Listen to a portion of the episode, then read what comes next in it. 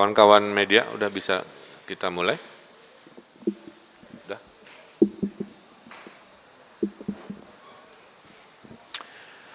Bismillahirrahmanirrahim. Assalamualaikum warahmatullahi wabarakatuh. Sampurasun kepada semuanya. Salam sejahtera, Om Swastiastu, Namo Buddhaya, salam kebajikan. Dalam kesempatan ini izinkan kami mengupdate situasi uh, yang menjadi perhatian dari masyarakat. Yang pertama adalah kemarin di hari Jumat tanggal 1 Mei 2020 kami mendapatkan surat persetujuan terkait pelaksanaan PSBB di skala provinsi. Seperti kita tahu, pelaksanaan PSBB skala provinsi ini melengkapi dua uh, zona PSBB Bodebek yang dimulai tanggal 15 dan sudah diperpanjang, kemudian PSBB di Metropolitan Bandung Raya di tanggal 22. Dari kesimpulannya didapati bahwa kurva penyebaran virus COVID sudah mulai melandai di Jawa Barat. Rata-rata maksimal di angka 40 kasus, eh, bahkan dua hari lalu di hari eh, Kamis itu penambahan hanya tiga kasus, kemudian di hari Jumat kemarin penambahan nol kasus. Jadi ini mungkin eh, kemarin hari yang istimewa dan mudah-mudahan kita berdoa eh, tren menurun ini bisa kita jaga dengan baik. Apakah tren melandai ini ada hubungan dengan PSBB? Kami menyampaikan secara ilmiah ada. Kami mendapati kajian sebelum PSBB dan setelah PSBB itu perbedaannya luar biasa. Pergerakan masyarakat selama PSBB masih mendekati 50 persen, walaupun idealnya menurut teori kita sedang menuju 30 persen. Jadi kalau PSBB di Jawa Barat ini bisa menjaga pergerakan hanya sampai 30 persen, maka itu lebih efektif. Nah, oleh karena itu, dari hasil kajian, ternyata Bodebek dan Bandung Raya yang sebelum PSBB, kecepatan persebaran virusnya adalah tinggi, sekarang menjadi sedang Sebaliknya, kota kabupaten yang tidak PSBB itu sekarang naik kecepatan persebaran virusnya, kira-kira begitu. Nah, oleh karena itu kesimpulannya, karena PSBB menurunkan kecepatan persebaran COVID, maka 17 kota kabupaten di Jawa Barat eh, akan melaksanakan PSBB yang disetujui Kementerian Kesehatan akan dimulai di tanggal 6 Mei 2020 di hari Rabu. Nah, jadi di hari Rabu minggu depan, maka seluruh Provinsi Jawa Barat akan melaksanakan PSBB, mungkin ini pertama di Indonesia, 27 daerah, pintu-pintunya akan dibatasi, pergerakan akan dibatasi, berbarengan dengan momentum pelarangan mudik, kami mendapati imported case kasus-kasus COVID juga menurun. Jadi sebelum PSBB, kenapa grafiknya masih ada? Karena kebanyakan imported case bukan lokal infeksi. Imported case itu mayoritas datang dari orang-orang yang hilir mudik dan mudik dari daerah zona merah ke kampung halaman di Jawa Barat. Jadi kombinasi PSBB nomor satu dikombinasikan dengan larangan mudik, dikombinasikan dengan pengetesan massal, ini yang membuat e, berita penambahan positif makin menurun, alhamdulillah. Nah, oleh karena itu e, kami e, akan memulai koordinasi.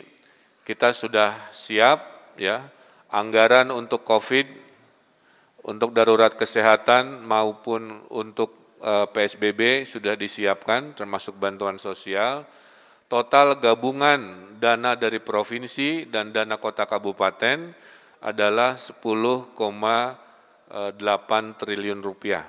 Nah, 10,8 triliun rupiah ini uh, akan dipergunakan untuk membeli peralatan-peralatan uh, darurat kesehatan dan juga bantuan sosial.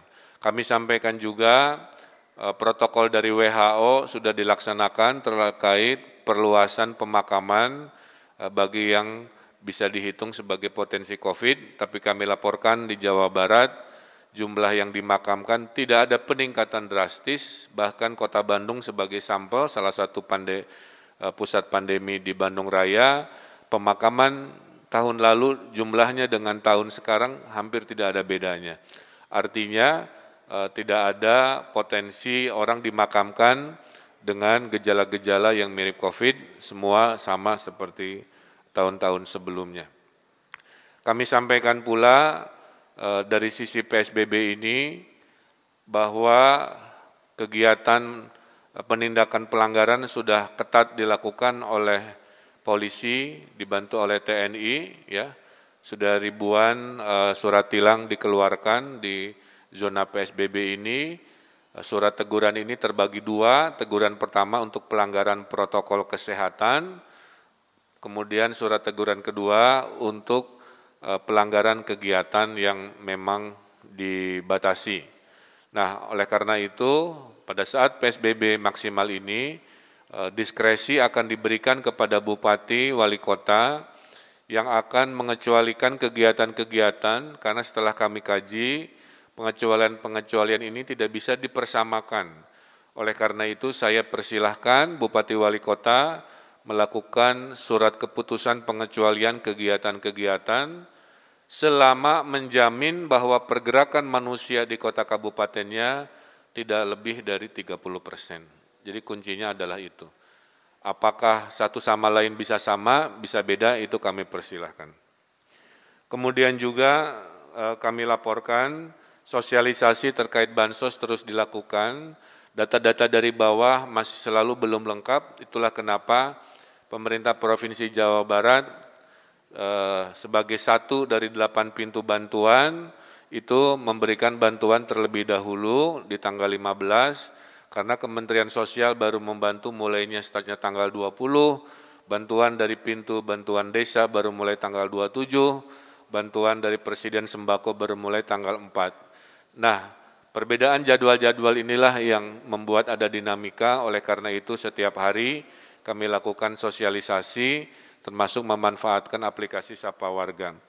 Kemudian refocusing anggaran terus dilakukan, kita sudah bersiap sampai bulan Juli dan jika lewat bulan Juli kita akan melakukan perubahan drastis supaya bisa survive sampai bulan Desember, kira-kira begitu. Kemudian ada 60 ribu warga Jawa Barat yang di PHK sampai hari ini, ini kita akan salurkan melalui kartu prakerja sesuai dengan uh, kebutuhan. Ada jatah untuk uh, Jawa Barat sekitar 900 ribu kartu prakerja yang uh, selain pelatihan ada dana tunai 600 ribu kali tiga. Hanya seperti yang saya sampaikan prosedurnya tidak kami kelola, itu dilaksanakan langsung oleh pemerintah pusat melalui Kementerian Tenaga Kerja. Kemudian juga Eh, di bulan Ramadan ini eh, kami menghimbau sekali lagi dengan melandainya eh, positif COVID karena larangan mudik, kami mohon kekuatan dan keikhlasan para pemudik untuk menahan diri agar tidak melaksanakan mudik karena hasil surveinya mayoritas di daerah yang non PSBB itu kasus positif datang dari pemudik. Kemudian juga eh, proses-proses uh, pangan ada arahan dari Presiden agar kita menyiapkan uh, darurat pangan, melakukan pengkondisian dan perhitungan. Kami sudah melakukan rapat berkali-kali untuk memastikan kesediaan pangan. Dan berita baiknya bahwa Jawa Barat surplus dari produksi beras. Ya, jadi beras Jawa Barat ini selain mencukupi untuk Provinsi Jawa Barat, juga mungkin akan membantu menjadi lumbung padi nasional uh, sampai akhir tahun. Karena kita tahu impor-impor khususnya beras pasti akan uh, berkurang karena negara-negara pengekspor beras menahan diri. Mudah-mudahan surplus panen beras Jawa Barat ini bisa menjadi hadiah dan menjadi stok pengaman untuk pangan nasional, kira-kira begitu. Kemudian kesiapan PSBB kembali sudah kami lakukan uh, video conference bersama Wali Kota Bupati, 100% semua siap, kami berwaktu sampai hari Selasa untuk melakukan sosialisasi. Sebelum hari Rabu dini hari tanggal 6 Mei itu dilaksanakan. Kemudian juga eh, alat rapid test sudah lebih dari 100 ribu kita tes ya. Dan dari 2 ribu yang reaktif ternyata hanya 10 persenan secara swab yang eh, terindikasi positif.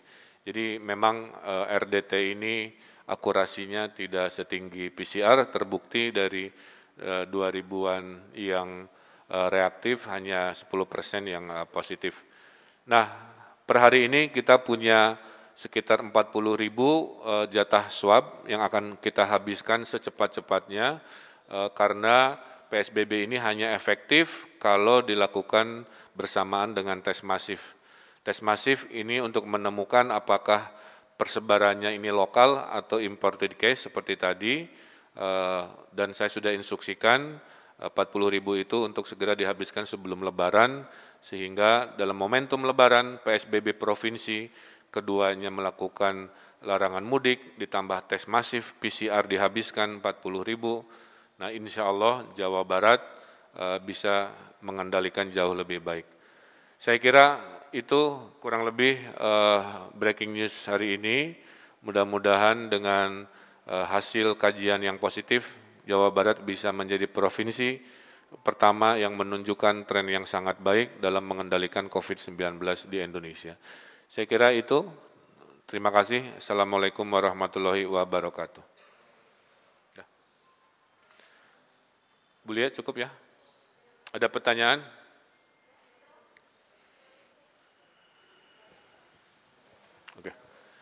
Itu saja, dan kami akan melanjutkan rapat rutin uh, minggu depan yang biasanya hari Senin kita sepakati untuk minggu depan dilaksanakan di uh, markas uh, Polda di hari Selasa pagi kurang lebih. Terima kasih, hatur nuhun, wassalamualaikum warahmatullahi wabarakatuh.